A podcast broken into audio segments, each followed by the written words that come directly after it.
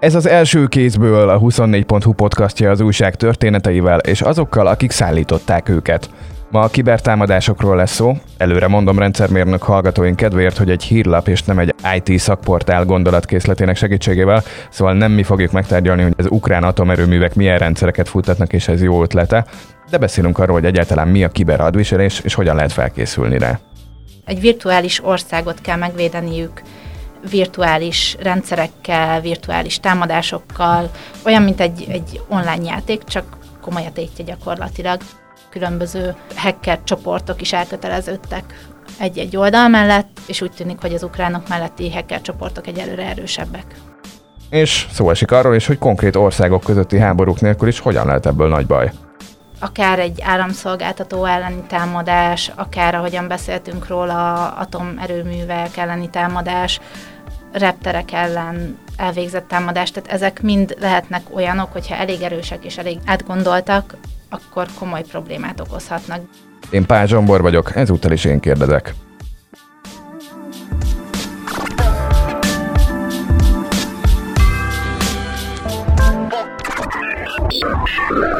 Nagy Nikivel, a 24.hu tech és tudományrovatának újságírójával nem először ülünk ennek a podcastnak a stúdiójában, és ezúttal kibertámadásokról fogunk beszélgetni.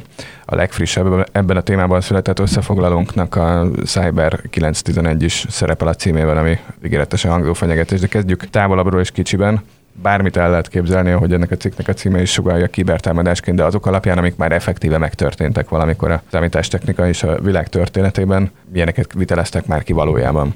Üdvözlök mindenkit! Vannak erre kimutatások, hogy mik a leggyakoribb kibertámadások, de kevesen tudják, hogy például az első az már 1988-ban megtörtént, ahol egy ö, egyetemi hallgató kísérleti célból elindított egy, egy ö, vírust, ami végül az akkori 60 ezer gépből álló internetes rendszerből 6 ezer gépet sikeresen megfertőzött, és 100 milliós kárt okozott dollárban.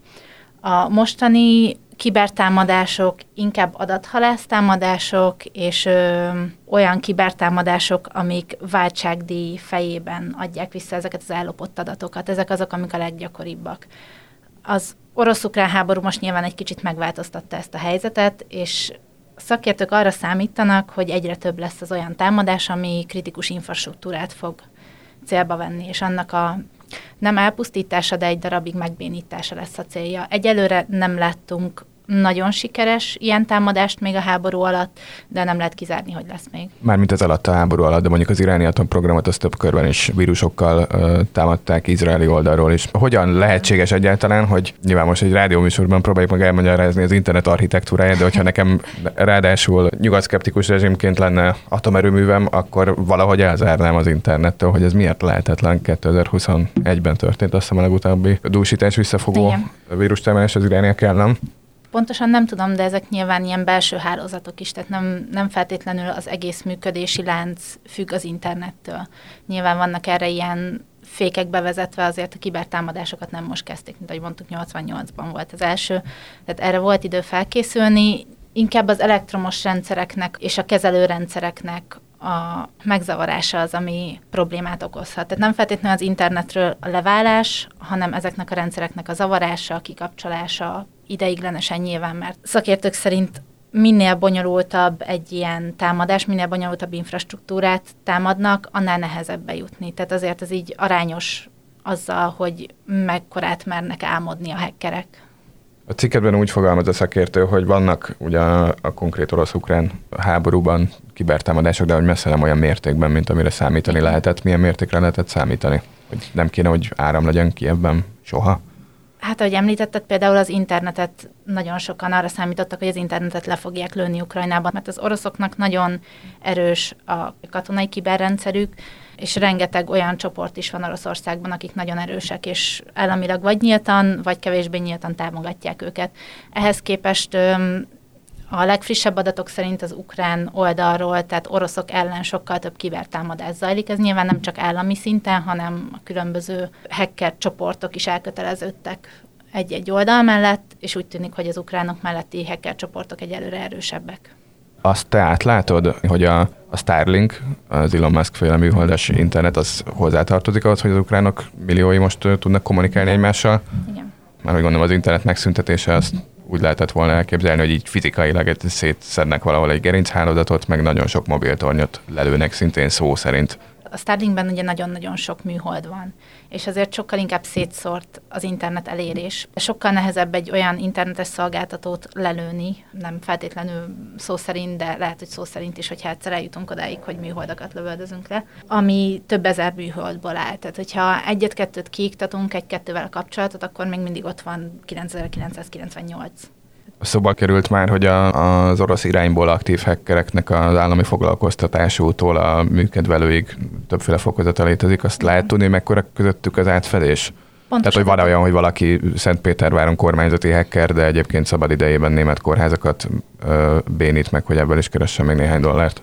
Nem zárnám ki, de gondolom erre nincsenek ilyen pontos... Én is úgy gondolom, hogy az orosz KSH közli. Nem, nem, nem. De, de valószínű, hogy igen, meg az oroszok fű alatt is állítólag szeretnek támogatni olyan hacker csoportokat, amiket nyilvánosan nem támogatnának, de itt is megjelenik ez a tűrtiltott támogatott triumvirátus, hogy van, akinek nem lövik le az aktivitását, annak ellenére, hogy illegális, pontosan azért, mert az ő érdekeikben dolgoznak.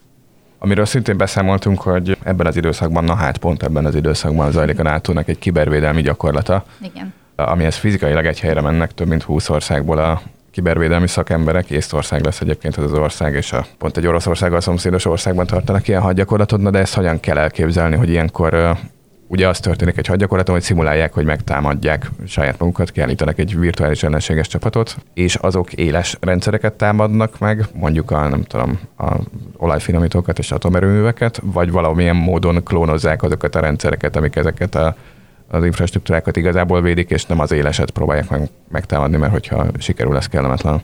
Ezt a gyakorlatot logchills-nek hívják, és alapvetően nem nem éles rendszereket támadnak. Gondolom nem szeretnék felhívni a figyelmet az éles rendszereknek a, a hibáira és a, a gyengeségeire, de biztos ennek millió másik oka is van.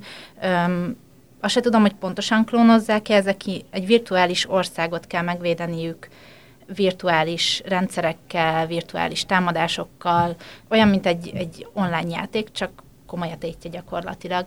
Van egy kék csapat, van egy piros csapat, a kék csapat védekezik, a piros csapat támad, és nagyon sokrétű a munka leginkább ugye a kék csapatnak nagyon sokrétű a munkája, mert nem csak vissza kell verni a támadásokat, de szimulálnia kell a helyzetet is, hogy hogyan kezelné politikailag, hogyan kommunikálná az egész szituációt kifelé a médiának, hogyan dolgozna együtt, milyen stratégiai döntéseket hozna, hogyan jelenteni az éppen illetékes embereknek. Tehát ez egy gyakorlatilag egy az egyben lemásolják azt, hogy mi lenne a legjobb megoldás egy valós, aktuális támadásnál.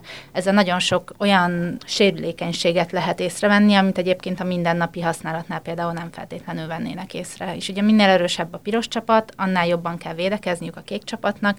Az az ideális, hogyha mind a kettő, amelyik egymásnak feszül, az nagyon-nagyon erős, mert akkor jön ki a legjobb eredmény.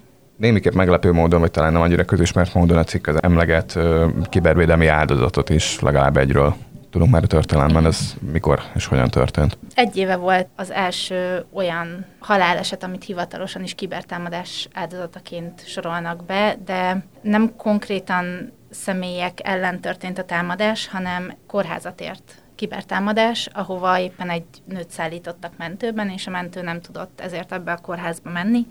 Másik kórházba kellett vinni a hölgyet, és ő útközben meghalt. Ő az első kiberáldozat, hogyha mondhatjuk így. És ha már a cikk címe 911-et használja referenciáként elméletileg függetlenül egy konkrét két ország közötti háborútól, akár bűnözők, akár jövőbeni konfliktusok kapcsán milyen típusú támadások merülhetnek fel?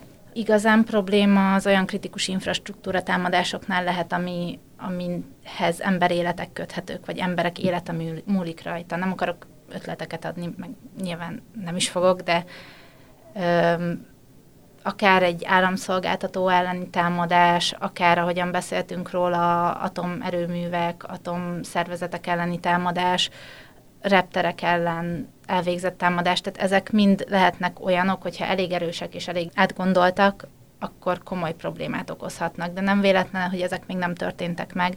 Nagyon erős ezeknek a rendszereknek a kibervédelme, és ahogyan a Logchilc is mutatja, folyamatosan tréningezik az embereket, folyamatosan próbálgatják, hogy mik azok a sérülékenységek, amiken még bejuthatnak a hackerek. Tehát alapvetően most jelenleg kicsi az esélye annak, hogy 9-11 szintű komoly kibertámadás történjen, aztán majd meglátjuk. De hogy ide tegyek valami megnyugtatót a végére, az talán reménykeltő, hogy ezen a hat szintén még nem láttunk szörnyű dolgokat érkezni Ukrajnából és egyébként Oroszországból sem. Igen, ezt ráadásul úgy, hogy az oroszok tényleg kibertámadásokban nagyon erősek. Tehát, hogyha ha ők nem tudtak eddig virítani semmi olyat, ami tényleg nagyon katasztrofális, ha jól tudom, most próbálták megtámadni az ukrán valamelyik energiaszolgáltatót a SCADA rendszeren keresztül. Tehát ez, ez is azért biztató, hogy, hogy egy ilyen elterjedt és egyébként potenciálisan problémát okozó, hogyha megtámadják potenciálisan problémát okozó rendszert, nem sikerült nekik most megtámadni. Ami egyébként érdekes visszacsatolás, nem tudom, hogy hallgatók ismerik-e, de van egy Blackout nevű könyv Mark Ellsbergtől, ami pontosan arról szól, hogy kibertámadás éri ezeket a SCADA rendszereket, és egész Európa megbénul. Mi ez a SCADA rendszer? A SCADA egy ilyen felügyeleti rendszer, ami vizuális elemek segítségével szemlélteti az ipari folyamatok állapotait, ez a hivatalos megnevezése. Gyakorlatilag a, a könyvben az okos mérőórákat jelentette, és ezeket hekkelték meg. Egészen káoszba fulladt Európa ennek a hatására. Mármint a regényben. Igen, a regényben. Amelyet úgy néz ki, hogy több különböző fordításban és több különböző országban is élvezettel forgattak. Köszi szépen, hogy jöttél. Köszönöm szépen. És köszönöm nektek is, kedves hallgatók! Általában egy Margit sziget futókör hosszúságú podcastot szoktunk készíteni, de most egy kicsit rövidebbek voltunk, úgyhogy aki ennyi idő alatt is körbeért, az nyugodtan gondolkodjon el a profi szintű atlétikai karrieren. Pénteken jön a háromharmad, első kézből meg legközelebb jövő héten. Nagy Nikolett mellett Pázsombort hallottátok.